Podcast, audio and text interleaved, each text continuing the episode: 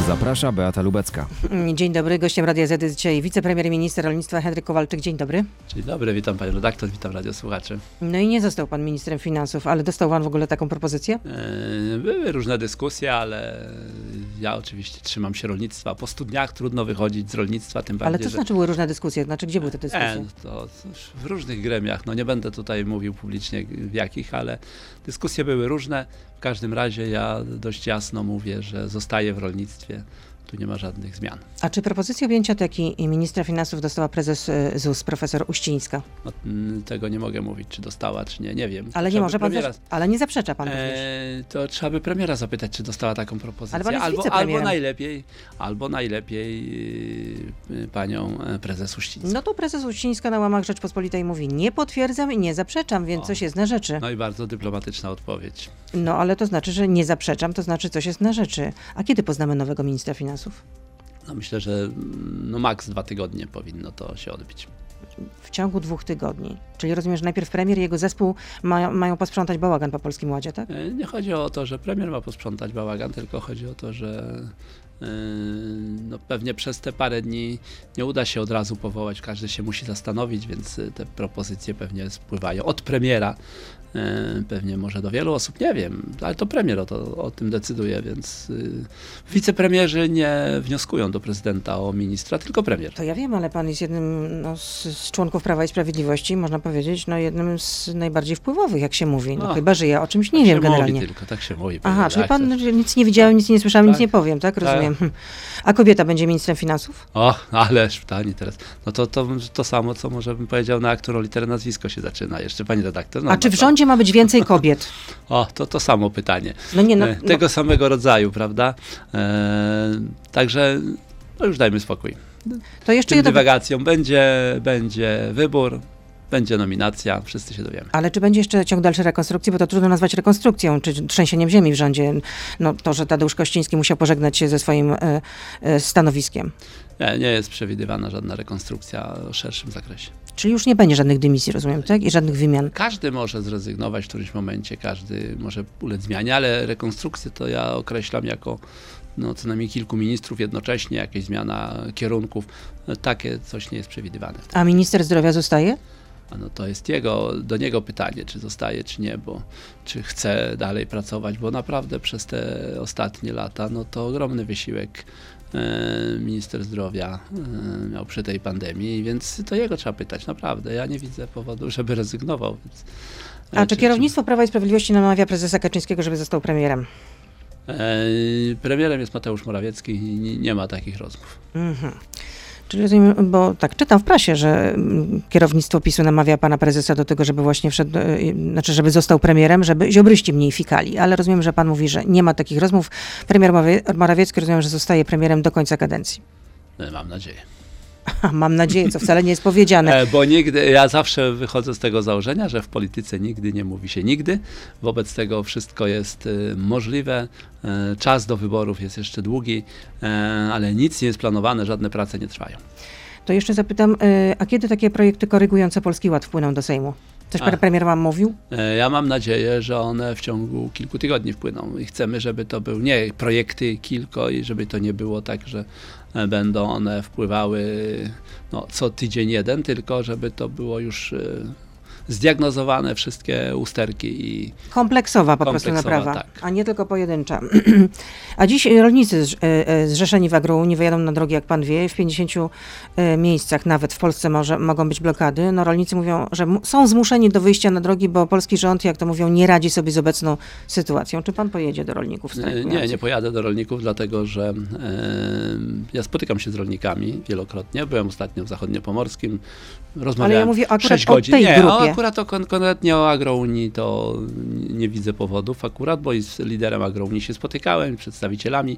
Natomiast mi- na ulicy ani na skrzyżowaniach to nie jest miejsce do rozmów, więc y, to trzeba jasno powiedzieć i tak naprawdę e, jeśli chodzi o polski rząd, to e, robi co jest w naszej mocy, co, jest, co tylko zależy od nas, robimy wszystko dla rolników i ja zresztą dzisiaj będę mówił, co my robimy.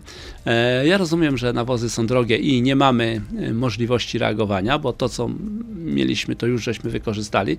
E, Złożyliśmy wniosek do Komisji Europejskiej, aby e, O dopłaty. O dopłaty, o możliwość dopłat, bo to nie komisja ma dopłaty robić, tylko e, polski rząd chce no dopłaty zrobić. tylko że Komisja Europejska musi Ma- się na musi wyrazić to zgodę, bo byłaby to nieuzasadniona pomoc publiczna i wszyscy rolnicy I świadomi, rozumni wiedzą o tym, że jeśli tylko Komisja Europejska wyrazi zgodę, to my te dopłaty zastosujemy. Jeśli nie wyrazi zgody, nie możemy tych dopłat zastosować, bo za rok czy za kilka miesięcy rolnicy mieliby odbierani te dopłaty jeszcze z odsetkami, więc na pewno odpowiedzialny minister takich decyzji nie podejmie. A do kiedy czekamy na taką wiedzą. decyzję Komisji Europejskiej? E, Ja mam nadzieję, że ona będzie no, w miarę szybko, chociaż niestety A Komisja co to znaczy w Europejska miarę szybko? no, w miarę szybko to w ciągu najbliższych tygodni. Natomiast y, niestety komisja nie działa zbyt szybko, to już jesteśmy przyzwyczajeni.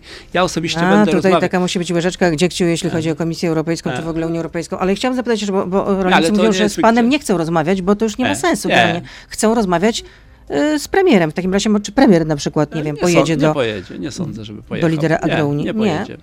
Nie A to pojedzie, nie jest tak, że lekceważycie jednak Nie, to nie chodzi o to, że lekceważymy, tylko chodzi o to, że rozmawiamy, miejsce rozmów jest w ministerstwie, mamy porozumienie rolnicze, e, wszystkie organizacje rolnicze są w tym porozumieniu zrzeszone i z, cały czas jesteśmy w bieżącym kontakcie z porozumieniem rolniczym. E, na przykład jak ja byłem teraz w zachodniopomorskim, wszystkie, pro, wszystkie postulaty żeśmy zrealizowali.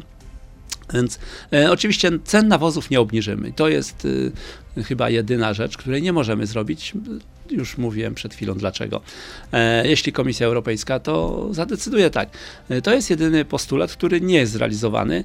No ale to nie jest tak, że od strajku czy od wyjazdu rolników e, czy traktorów na drogę można zmniejszyć ceny nawozów. Tego się nie da zrobić, więc jeśli Agrounia chce protestować, chociaż właściwie ja rozumiem te protesty, bo lider Agrounii mówi bardzo wyraźnie o wyborach parlamentarnych, więc No pewnie ale to nie możecie będzie. lekceważyć Agrounii, bo odbiera wam głosy na wsi, a, a, a poza tym Ale obejmując pan, resort, pan mówił, że trzeba poprawić relacje z rolnikami. Tak. No tutaj nie wygląda na to, że te relacje się Nie, poprawiły. e, Pani redaktor, e, co ja mogę zrobić? Do tanga trzeba dwojga, więc ja e, z liderem Agrounii spotkałem się już dwa, dwukrotnie na bardzo długich rozmowach. Myślę, że No to może trzeba zaprosić go po E, raz kolejny. no ale Albo niech ale premier go nie- zaprosi. No co, no co by Ale korona co z, skła- te, z no i co z zaproszenia, jeśli, jeśli mówimy, że e, jeśli jest taka deklaracja, że i tak, i tak my nic nie robimy, więc jeśli to jest taka ocena, no to w takim razie ja tylko mogę docierać do rolników i pokazywać, co możemy zrobić, co robimy. I ja uważam, że robimy to, co jest w naszej możliwości na maksa. Naprawdę, na maksa. Natomiast niemożliwych rzeczy nie można od nas oczekiwać. I świadomi, rozumni rolnicy to wiedzą. Naprawdę. Ja spotykam się z rolnikami, jeżdżę na wieś, e, wiele spotkań takich miałem. E, Natomiast to, że pan Kołodziejczak chce startować do wyborów parlamentarnych, to prawdopodobnie jest to główny motyw e, wszelki, wszelkiego rodzaju strajków. No, A to, że Znam Michał- tą historię z poprzednich lat. A to, że Michał Kołodziejczak, lider Agrounii, mógł być inwigilowany przez Pegasusa, to pana nie oburza? E, mógł. Wiele osób zaczyna mówić, że mógł. Ostatnio się dowiedzieliśmy, że nikt był inwigilowany przez Pegasusa. Okazało się, że na kilkaset osób e, nie znaleziono specjalnie nikogo.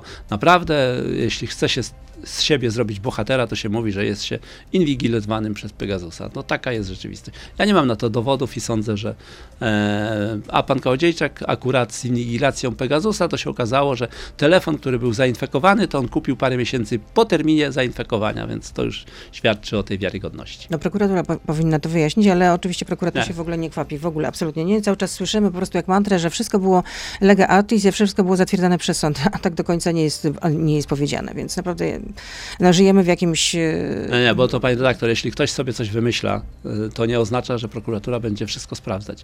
No ja sobie wymyślę, że byłem podsłuchiwany i co będzie prokuratura to sprawdzać?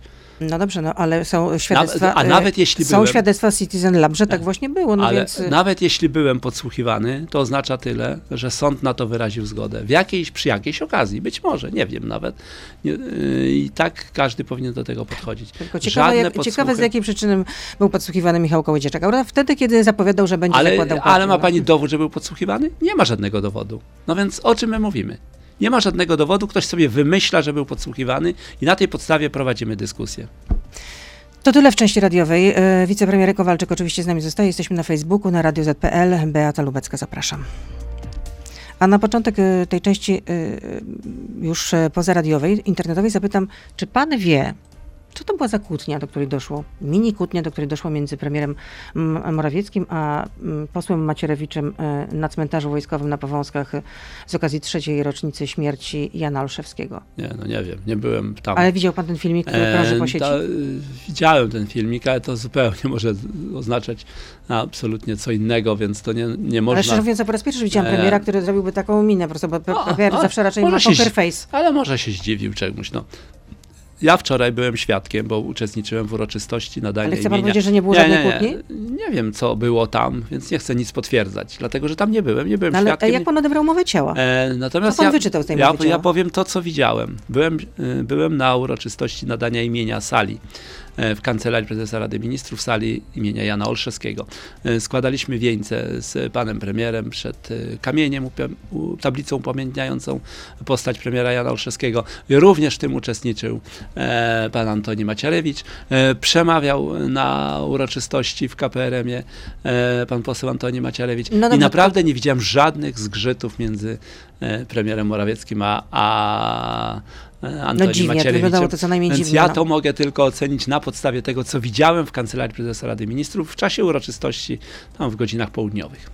W Sejmie pytany o to przez dziennikarkę Gazety Wyborczej Antoni Macierewicz to w ogóle y, bagatelizował. Mówił, że nie było żadnych kłótni, jakaż kłótnia, pani się kłóci, kochanie. No, no ale- poseł tak do dziennikarki, E, jest ten dobry oracz. No to no takie tak. jest protekcjonalne, naprawdę. No już no, Boże, ale, ale pani traktowanie redaktor, dziennikarzy jest po prostu no, na ale coraz gorszym redaktor, poziomie. No, no, po prostu wy- ciągle się dyskredytuje naszą wiarygodność, traktuje się nas po prostu właśnie protekcjonalnie. No tak nie można po prostu. No. nie, ja, Rozumiem, że celowa robota. No. nie, to nie chodzi o celową robotę, tylko ja mówię to, co widziałem, a widziałem y, dobre relacje między premierem Morawieckim i Antonim Macierewiczem w czasie uroczystości w godzinach południowych w Kancelarii Prezesa Rady Ministrów. Naprawdę. Dobrze, zostawmy już ten incydent. A Czy polski rząd wycofuje się z, z Krajowego Planu Odbudowy? Czy wywieszacie białą Nie, flagę? wy- nie wycofuje się z Krajowego Planu Odbudowy. Wczoraj była na rządzie przyjęta ustawa, która e, wdraża mechanizmy realizujące Krajowy Plan Odbudowy.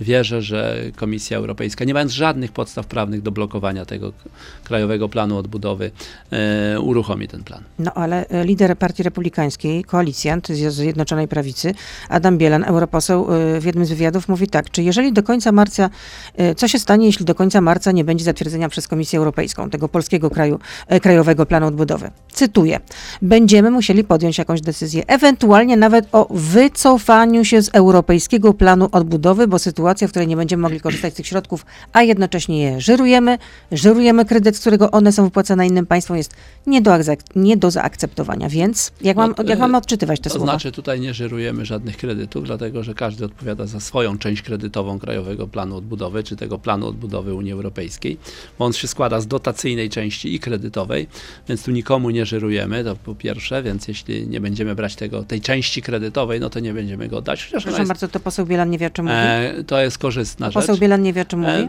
Ja nie wiem, czy do końca wszystko sprawdził, natomiast y, my nie, z niczego nie rezygnujemy, chociaż rzeczywiście jak najszybsze uruchomienie by nam się przydało. No ale jak to zrobić generalnie?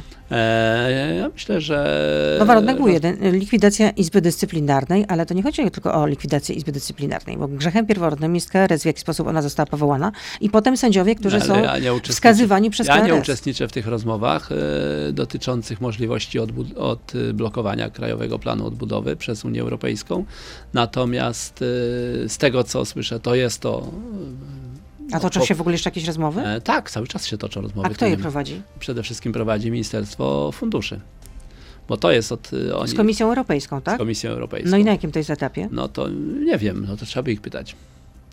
W każdym razie my przygotowujemy e, legislacyjne rozwiązania krajowe w celu wdrożenia tego Krajowego Planu Odbudowy, bo ja wierzę, że Unia Europejska będzie działać zgodnie z prawem, nie mając podstaw do odmowy, musi w końcu To kiedy wypłacić. ten Krajowy Plan Odbudowy A, to zgodnie z waszymi założeniami miałby zostać e, wdrożony? Ja myślę, że w tym roku powinien być wdrożony. Ale w tym roku znaczy się w, O, w pierwszej połowie, wiem. w drugiej połowie, no nie- pod warunkiem, że dostaniemy nie do te pieniądze. Na razie się na to nie zanosi. Jakoś sprawa jest zamrożona. Marek I- pyta. I w żaden sposób nie, nikt nie rezygnuje z tego Krajowego Planu Odbudowy. Marek pyta, czy nadal uważa e, pan premier, że przez podwyżkę stóp procentowych o 1% niemożliwe jest to, żeby rata kredytów wzrosła o 200 zł?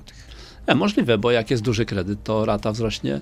E, począwszy... Ale ostatnio jak pan był w programie, to pan nie wierzył, E, nie dowierzał akurat, takim wyliczeniom. Nie, to zupełnie co innego. Mówiąc o średnich kredytach e, które są na ponad 100 tysięcy złotych. Mówiono o 350 czy tam 400 złotych, więc przy kredycie e, przekraczającym pewną kwotę jest to możliwe. Średnio było to poniżej. Natomiast A przy, tej, przy tym wzroście, teraz- który nastąpił zaraz, bo teraz wczoraj, Bo teraz y, jeszcze pani redaktor przeczyta to wyraźnie pytanie, bo ważne jest, jak wysoki jest kredyt, to wtedy y, no podniesienie stopy jak wysoki jest kredyt A no i na właśnie. jaki okres jest wzięty. Oczywiście, że tak. Więc jeśli, jeśli kredyt ma 100 tyś, wartość kapitału kredytowego ma 100 tysięcy złotych, to wzrost o 1% daje, e, daje 1000 złotych w skali e, roku, czyli to jest blisko 100 złotych miesięcznie, więc to jest oczywiście możliwe. E, A jeśli- teraz pan próbował liczyć, kre- ile będą, e, ale jeśli o ile pójdą jest- raty kredytów. Na przykład, jeśli to jest taki kredyt, powiedzmy, na 30 lat, mm, nie, to, na tu 300 akurat tysięcy. lata są nieistotne. Ważne jest, jaki jest Kwota. kapitał Mhm. kwoty kredytu. Więc jeśli na przykład kredyt ma wysokość 300 tysięcy, co nie jest też e, rzadkością, no to nie wiem w- stosunku do czego? O 1%, ale to już nie o 1% wzrosły stopy procentowe. no teraz 2,75. już, e, tak, to już jest prognozuje się, że nawet jest- mogą być podniesione do 4, czy Tak. 4,5. To- To już jest prawie 3%, więc to już jest e, kwota e, 9 tysięcy rocznie, więc e, podzielona na 12, no to będzie to już blisko 800 zł. I to rzeczywiście jest to już, e, te obecne wzrost stóp procentowych już będzie bardzo mocno widoczny w kieszeniach kredytobiorców. No, czytałam, dla tych, co czytałam mają takie większe- symulacje, że rata kredytu zaciągniętego w ubiegłym roku na 300 tysięcy złotych na 25 lat to wzrośnie z 1393 do blisko 1900 No złotych. tak, to jest tak możliwe, tak, bo to już będzie kilku ład, dobrych No to prawie złotych. 600 złotych y, odczuć w, w kieszeni, no to, to jest naprawdę potężny wydatek, razy Tak, tylko, 12 że jeszcze, a jeszcze jak pójdzie to, jeśli stopy procentowe E, będą rosły, to, to jeszcze to Niestety tak, jest to koszt, tylko że trzeba pamiętać o tym, że y, siła nabywcza pieniądza, bo inflacja powoduje to, że my za 2-3 lata y, więcej y, zarabiamy, więcej wydajemy, czyli siła nabywcza pieniądza jest już mniejsza, więc to już nie jest te same pieniądze, które są rok temu czy dwa lata do tyłu.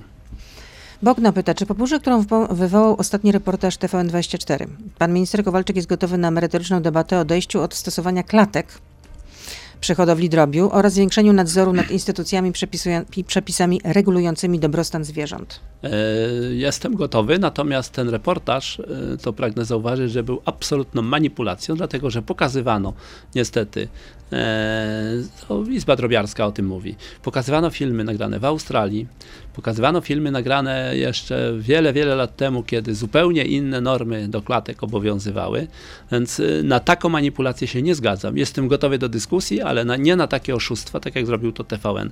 E, Tu niestety e, będziemy reagować i to ostro, dlatego że to e, podważa i podcina gałąź e, hodowli drobiu w Polsce.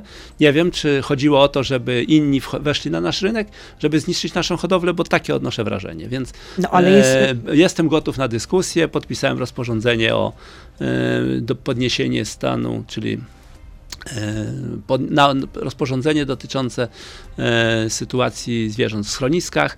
E, będziemy promować dobrostan, e, stosujemy odpowiednie przepisy, e, więc e, w tym przypadku, jeśli TVN widział takie przypadki, powinien zgłosić do prokuratury. To jest po pierwsze, bo jest to przestępstwo do tej pory też. Na przyszłość będzie jeszcze ostrzej karane i będą łagodzone przepisy dobrostanu, będzie wygodniejsze przepisy dla dobrostanu zwierząt. No, ale Natomiast nie Komisja zgodzę się na taką, taką manipulację, jak zrobił TVN w tej chwili. ale Komisja Europejska chce wprowadzić zakaz drobiu, y, chowu drobiu w klatkach, tak czy nie? E, e, no, dyskusja o tym trwa, natomiast A, my, ale, a pan jest przeciwny. ale ja e, uważam, że e, drobiarstwo w Polsce jest bardzo ważne. Chów klatkowy, niedawno poprawialiśmy wszystkie klatki, żeby były wygodne, obszerne i tak dalej. Teraz One likwidując są to, wygodne, bardzo wątpliwe. Bo y, zresztą y, była cytowana pana wypowiedź w tym y, reportażu. Radziłbym zapytać tej kury, jak ona się czuje w tej klatce, może by coś wyjaśniła. Sądzę, że jeśli ona nie znała innego życia, to raczej nie miała żadnych przeżyć no bo, psychicznych z tego e, powodu. bo pytania były takie o przeżycia psychiczne kury. No, panie redaktor, No naprawdę. i ta wypowiedź Pytania została by- bardzo źle odebrana e, na przykład. pytania no, by- były- Posłanka Koalicji Obywatelskiej z Zielonych, współ, współprzewodnicząca, była po prostu wstrząs- pani redaktor, wstrząśnięta pani pana redaktor. Niestety w reportażu E, mimo, że była deklaracja, że reportaż czy rozmowa będzie odtworzona jeden do jednego, to były pocięte moje wypowiedzi i nie było to absolutnie jeden do jednego. Tutaj TVN zachował się skandalicznie, powiem tak. I... Ale pan sobie zdaje sprawę, że przy konstrukcji takich materiałów Nie, tak ale jest. nie, to nie przy konstrukcji takich, jakby powiedziano, że będzie e, e, wykorzystane będą fragmenty, to było zupełnie co innego. Była pełna deklaracja, że będzie materiał jeden do jednego. Wobec tego ja mówię, z uzasadnieniem, jeśli się wycina później pół zdania, to naprawdę nie jest to w porządku. No, ale... A mimo deklaracji, bo ja bym wiedział, jeśli by powiedzieli tak, robimy materiał, wykorzystamy fragmenty wypowiedzi. Natomiast tutaj totalnie zostało zmanipulowane. Ale dlaczego y, pisklęta mm, płci męskiej, że się tak wyrażę, muszą być mielone, a nie mogą być zagazowywane? Mogą być, y, może można to różnie. Ja jestem za tym, żeby absolutnie była każda forma e, ale uśmiercania zwierząt jakichkolwiek i kiedykolwiek była jak najłagodniejsza, jak najmniej bezbolesna. Całkowicie jest, się z tym zgadzam. No, tu też była zacytowana pana wypowiedź, że nie będziemy chronić zwierząt, by skazać je na cierpienie w dalszym etapie życia, byłyby wolnymi ptakami i tak zostałyby za, zabite No, na mięso i tyle. No tak, no bo tu była próba mówienia, że w ogóle nie powinno się e, uśmiercać piskląt. E, no Ale tu więc chodzi o macerację, czyli mielenie, Tak, no przecież tak. to jest nieludzkie. e, mówimy, że tutaj te, te przepisy będą modyfikowane i tak A jak kiedy będą modyfikowane? Zwierzęta na pewno będą podlegać zabijaniu. Niestety tak to bywa, e, jeśli chcemy jeść mięso. Chyba, że mówimy, że już jesteśmy na Ale kiedy ewentualnie taka zmiana mogła być E, wprowadzona w życie, że, że e, pisklęta nie Komisja Europejska- macerowane, czyli Kom- mielone, tylko gazowane. Komisja Europejska przygotowuje takie, takie programy dobrostanowe zwierząt, więc my się to będziemy w to będziemy się wpisywać. No to Paweł pyta, proszę o informację w sprawie transformacji do systemu bezklatkowych hodowli. E, Jak będzie ten system przyjęty przez Unię Europejską, to będzie Ale ona będzie bezklatkowa? Nie. e, transformacji. Takie jest zamierzenie, natomiast my musimy pamiętać o jednej rzeczy, że my musimy być na wspólnym rynku europejskim. Nie możemy naszym rolnikom stawiać warunków, które są zupełnie inne e, u konkurencji, więc my musimy e, warunki dawać takie same. To jest podstawowa zasada wolnego rynku, w rolnictwie szczególnie ważna. A czy możliwa jest eliminacja procesu zabijania męskich piskląt? Pyta tenże słuchacz. E, możliwa, e, ale też musimy... Kiedy będzie wprowadzona? Ale nie, musimy to robić wspólnie z innymi partnerami z Unii Europejskiej, żeby zachować konkurencyjność rynku. A kiedy zostaną w Polsce zamknięte fermy futrzars- futrzarskie? Pyta, pa- pada kolejne pytanie. E, Na razie o tym się nie mówi. Jeśli będzie trzeba, to e, będą zamykane, ale fermy futrzarskie mają też swoją pozytywną rolę, bo, z, bo mamy utylizację, cudzysłowie, prawda, ale spożytkowanie mięsa, które by e, pochodzącego z uboju, z konieczności, to wszystko byłoby naprawdę trudne do utylizacji w inny sposób, więc e, to też ma swoją rolę. A czy popiera Pan wprowadzenie zakazu hodowli zwierząt na futro przy uwzględnieniu odszkodowań dla hodowców i kilkudniego vacatio legis? e, jeśli będzie kilku, kilkuletnie vacatio legis i odszkodowania stosowne, to w takiej sytuacji można myśleć o zakazie. A jeśli chodzi o wprowadzenie Polskiego Ładu, bo jest tutaj takich e, siedem e, założeń, no i co na przykład, jeśli chodzi o przejście na emeryturę rolniczą bez konieczności przekazania gospodarstwa? Kiedy to będzie możliwe? E, Już projekt został skierowany do Kancelarii Prezesa Rady Ministrów. Myślę, że rząd do końca marca powinien ten projekt przyjąć. Y, Później modyfikacja systemu informatycznego w Krusie. A moje założenia są takie, żeby w połowie roku ten projekt wszedł w życie już, czyli już rolnicy mogli przechodzić na emeryturę. Czyli od kiedy? Od lipca, od czerwca? Co od lipca, od sierpnia, no ja nie mogę narzucać wszystkich terminów y, wszystkim y, legislacyjnym grupom, czyli Sejmowi, Senatowi, prezydentowi, prawda? Jeśli każdy z wykorzysta terminy do maksimum, to może być trochę dłużej. Ja się przygotowuję na lipiec. No dobrze, a co z dopłatami powyżej średniej unijnej dla małych i średnich gospodarstw? Są już takie dopłaty. E, Dopłaty do gospodarstw w tym roku jeszcze to do 30 hektarów, czyli dla takich gospodarstw, dopłata wynosi 102% średniej unijnej. Od przyszłego roku taka dopłata 102% średniej unijnej będzie dla gospodarstw do 50 hektarów, więc to już jest wdrożone. To znaczy y, pieniądze zobaczą rolnicy oczywiście jesienią tego roku, bo to jest od tego roku, czyli ten sezon wegetacyjny będzie takim dopłatom podlegał. Nowy system ubezpieczeń upraw dla rolników, bo to jest, zdaje się, również punkt zapalny. Chodzi Tak. również o suszę. Tak, e, nowy system ubezpieczeń już wdrażamy. E, Zakupiliśmy udziały w tuwie pocztowym. Wokół tego tuwu będziemy budować Towarzystwo system Ubezpieczeń ubez- Wzajemnych. Wobec tego e, tuwu będziemy budować system. Najważniejsze jest to, że chcemy ubezpieczać kompleksowo, czyli łącznie z suszą, co do tej pory było unikane. Przy dopłacie 65% składki pokrywa budżet państwa, 35% tylko rolnik. I wtedy y, w razie wystąpienia klęski żywiołowej otrzymuje stosowne odszkodowanie. I od kiedy ten system wszedłby w życie? E, On y, będzie już od tego sezonu wegetacyjnego. My chcemy już w marcu tak ubezpieczać rolnik, y, uprawy. 15 tysięcy złotych na budowę zbiornika retencyjnego w gospodarstwie, bez zbędnych formalności. E, Tak, formalności właśnie zostały usunięte, to znaczy zmiana ustawy nastąpiła, która e, wyrzuca konieczność e, uzyskiwania pozwolenia wodnoprawnego na budowę takiego zbiornika. Z wiosną będziemy uruchamiać ten program, czyli nabór wniosków na finansowanie.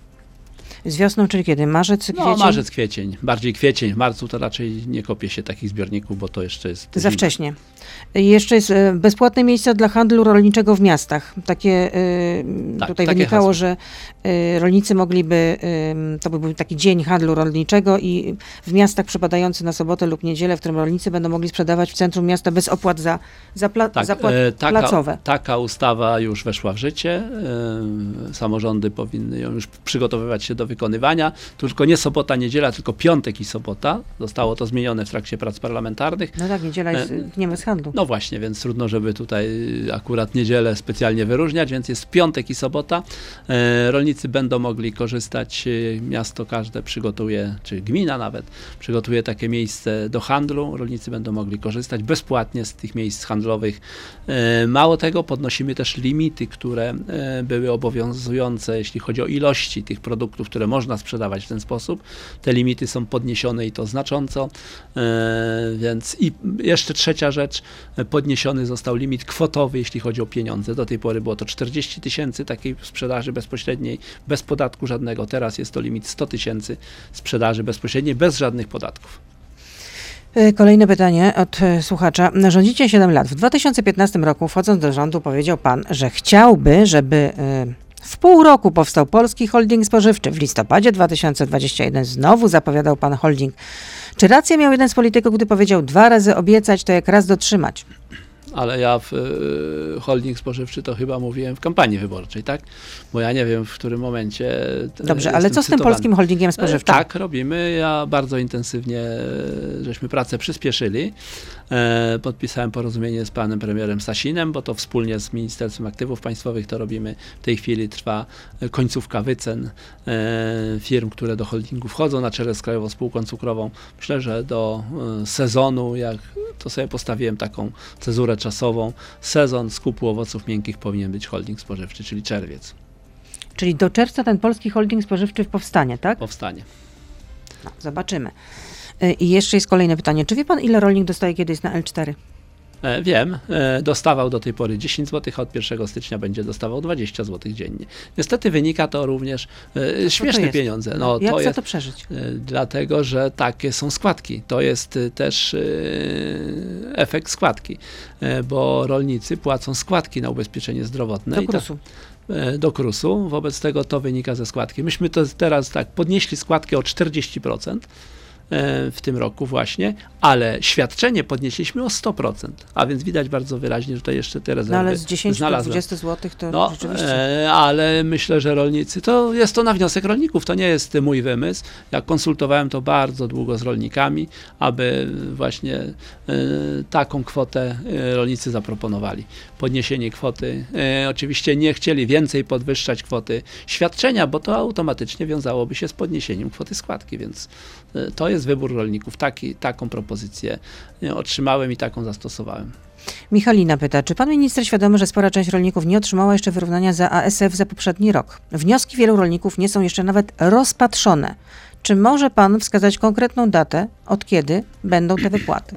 Bez uogólnień typu najszybciej, jak się da, tylko konkrety. E, Te wypłaty, nie wiem, bo są różne rodzaje wypłat za ASF, więc tutaj nie wiem, o które e, pytająca, które pytająca ma na myśli, bo są dopłaty po pierwsze za zaprzestanie produkcji, tutaj e, jest to na bieżąco w miarę, czyli za przestanie produkcji na, z powodu nakazu lekarza weterynarii. Zresztą przy okazji powiem, że podnieśliśmy stawki i to bardzo znacząco. Było 36 groszy za sztukę na jeden dzień, teraz jest to złotówka za sztukę na jeden dzień i limit był 50 sztuk, teraz jest 200 i tutaj wypłacane jest na bieżąco. Kolejny element to jest wypłata odszkodowań za e, utylizację trzody, jeśli ASF wystąpi w stadzie, niestety, ale to też jest generalnie wypłacane na bieżąco. Najtrudniej jest e, wypłacanie odszkodowań tak zwany, za tak zwane obniżenie ceny z powodu bycia w strefie ASF. E, niestety.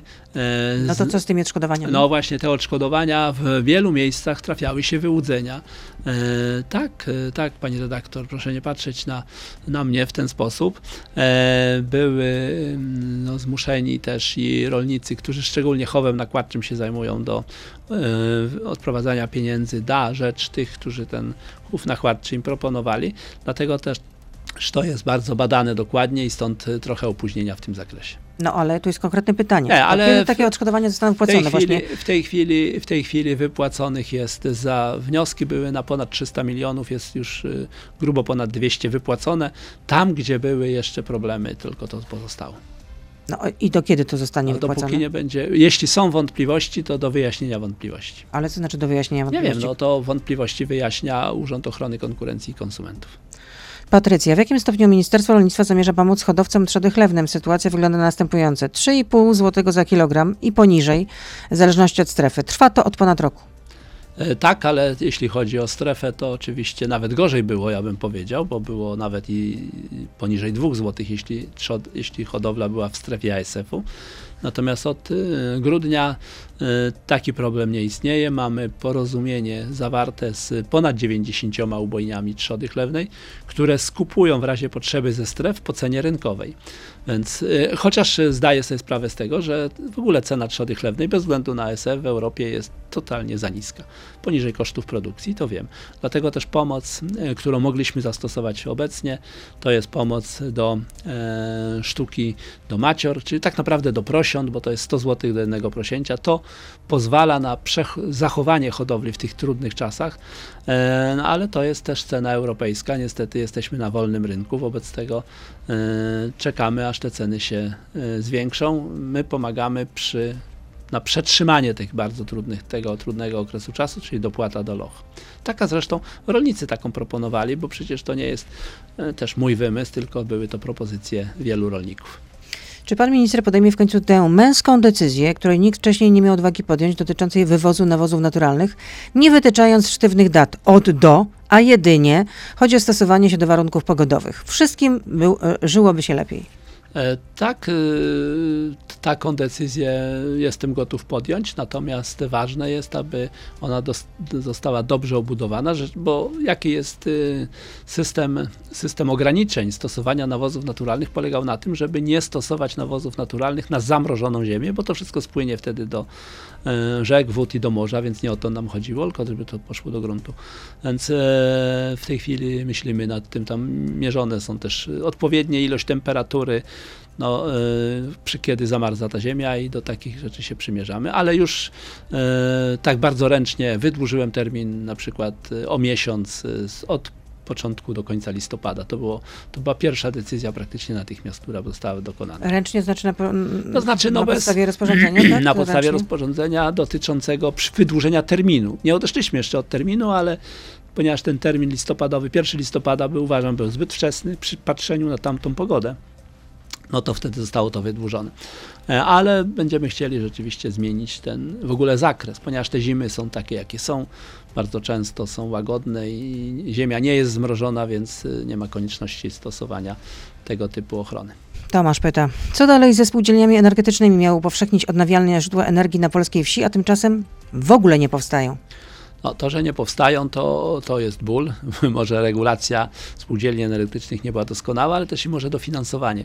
Właśnie chcemy uruchamiać, dzisiaj nawet spotykam się z panią minister Anną Moskwą, żeby omówić dofinansowanie energii dla wsi, czyli spółdzielnie energetyczne, ale też i energia dla poszczególnych rolników, e, ale łącznie z magazynami energii, dlatego że no samo sama fotowoltaika, która bardzo szybko się rozwinęła. Zresztą wprowadzałem ją jako minister środowiska wtedy, mój prąd, ten program. E, z, wspólnie z ministrem Tutaj pan energii. minister się pochwalił. E, tak przy okazji. No tak, zupełnie przypadkiem. E, z, wprowadziliśmy to z ministrem energii Tchórzewskim wtedy. E, bardzo miało to duże powodzenie, natomiast faktycznie energia ze słońca nie jest energią stabilną, dlatego też e, ten program trochę hamuje. Chodzi o to, żeby też magazyny energii były, żeby to była energia bardziej stabilna.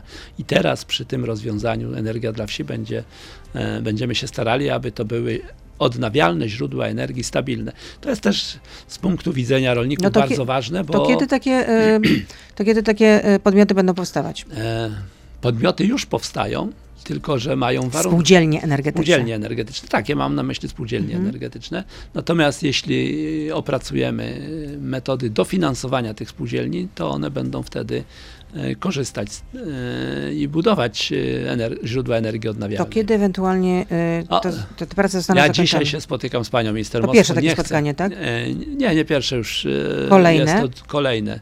E, Ale też już są pewne projekty, ale to przed e, omówieniem z panią minister nie chcę o tych szczegółach Ale to w mówić. tym roku jeszcze zostanie Tak, zamknięte? to w tym roku zdecydowanie. Ja bym chciał, żeby to było e, no, w ciągu dwóch, trzech miesięcy. To nie jest tak, że to jest to na jakieś lata odległy projekt. A Konrad pyta, domyślał się pan, dlaczego nie miał pan założonych podsłuchów w 2007 roku, kiedy to miał je Andrzej Leper, mimo że to pan również odpowiadał za odrolnianie gruntów? Ale przecież ja nie twierdzę, że nie miałem.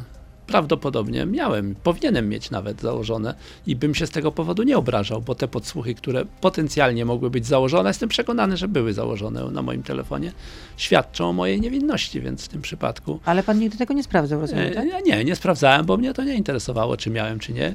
Jeśli y, sąd, jeśli prokuratura prowadziła postępowanie i sąd na to wyraził zgodę, to mogłem mieć te podsłuchy, ale absolutnie nie mam o to pretensji, nawet jeśli, jeśli bym się dowiedział, że miałem. E, Więc wtedy takie podsłuchy są dowodem na to, że akurat nie brałem w tym udziału intencjonalnie, więc naprawdę e, nie, nie, nie patrzmy na podsłuchy jako na coś absolutnie złego. No nie, no inwigilacja to jest jednak... Nie, no ale panie redaktor, panie redaktor, zło. ale jeśli, jeśli, jeśli e, ktoś by później w, w procesie oskarżał panią o coś, a pani ma dowód na to, na pani niewinność, dowód jest w postaci podsłuchów, które pani założyły służby, to niedobrze mieć takie podsłuchy? Dobrze. To jest, myślę, że mało kto to w ten sp- sposób na to patrzy. Bo później e, w procesach sądowych jest słowo przeciwko słowu, więc jeśli jest dowód na to, myślę, że każdemu by się taki dowód przydał, więc ja bym się nie obrażał na e, potencjalne podsłuchy, jeśli miałoby to, mieć, miałoby to dać mój dowód niewinności. A czy w szefie Agrounii, Michale Kołodziejczaku, widzi pan ten sam zapał do walki o polską wieś, jak miał e, Andrzej Leper, kiedy sypał zboże na tory? Nie wiem. E, Andrzej Leper na początku bardzo się starał o rolników. Jego, jego był głównym e, motywem były wtedy kredyty. Natomiast no tutaj e, lider agrounii już mówi o wyborach, więc trochę to jest podszyte wykorzystywaniem bardziej rolników do celów wyborczych niż Bardzo rzeczywistą pan niechętny jest, Michał, e, Michał nie, dlatego, że po prostu ja rozmawiałem z nim dwukrotnie i pierwsze spotkanie bardzo chwalę, bo rzeczywiście rozmawialiśmy o e, meritum. Nawet dwie podpowiedzi, z dwóch podpowiedzi skorzystałem, przyznaję. I po tym pierwszym spotkaniu było w porządku. Natomiast w drugie spotkanie to absolutnie nie było żadnej merytorycznej dyskusji, tylko e, pokrzykiwanie na mnie i powiedzieć, że i tak on będzie startował na wybory i tak nie odda wsi PiSowi. Więc jeśli to jest taki motyw, że nie odda wsi PiSowi, to komu odda? E, już wszyscy pozostali inni rządzili i myślę, że rolnicy polscy doskonale widzą, co Prawo i Sprawiedliwość dla wsi zrobiło i myślę, że nie będą tacy. Ale no, e, tacy wynika, że, że elektorat wiejski się od was odwraca. No, w bardzo niewielkiej części, naprawdę, pani redaktor. na rzecz Agrounii. No to znaczy nie na rzecz agrounii, tylko odwrócił się i może jeszcze nie wie, gdzie jest. E, Przyznaję, że piątka dla zwierząt nie była pomysłem, no była pomysłem, który jednak trochę odwrócił tego elektoratu, natomiast ja A był to pomysł Jarosława Kaczyńskiego. E, Natomiast e, w tym momencie ani nie ma odpływu elektoratu wiejskiego czy rolniczego e, od Prawa i Sprawiedliwości. Wręcz ja mam nadzieję, że będzie, że rolnicy zobaczą to, co robimy e, i będzie to powrót. Henryk Kowalczyk, wicepremier minister rolnictwa był z nami. Życzę y, odporności żelaznej, która nam jest potrzebna cały czas. Bardzo dziękuję, dobrego dnia. Dziękuję również. To był gość Radia Z. Słuchaj codziennie w Radio Z i na player radioz.pl.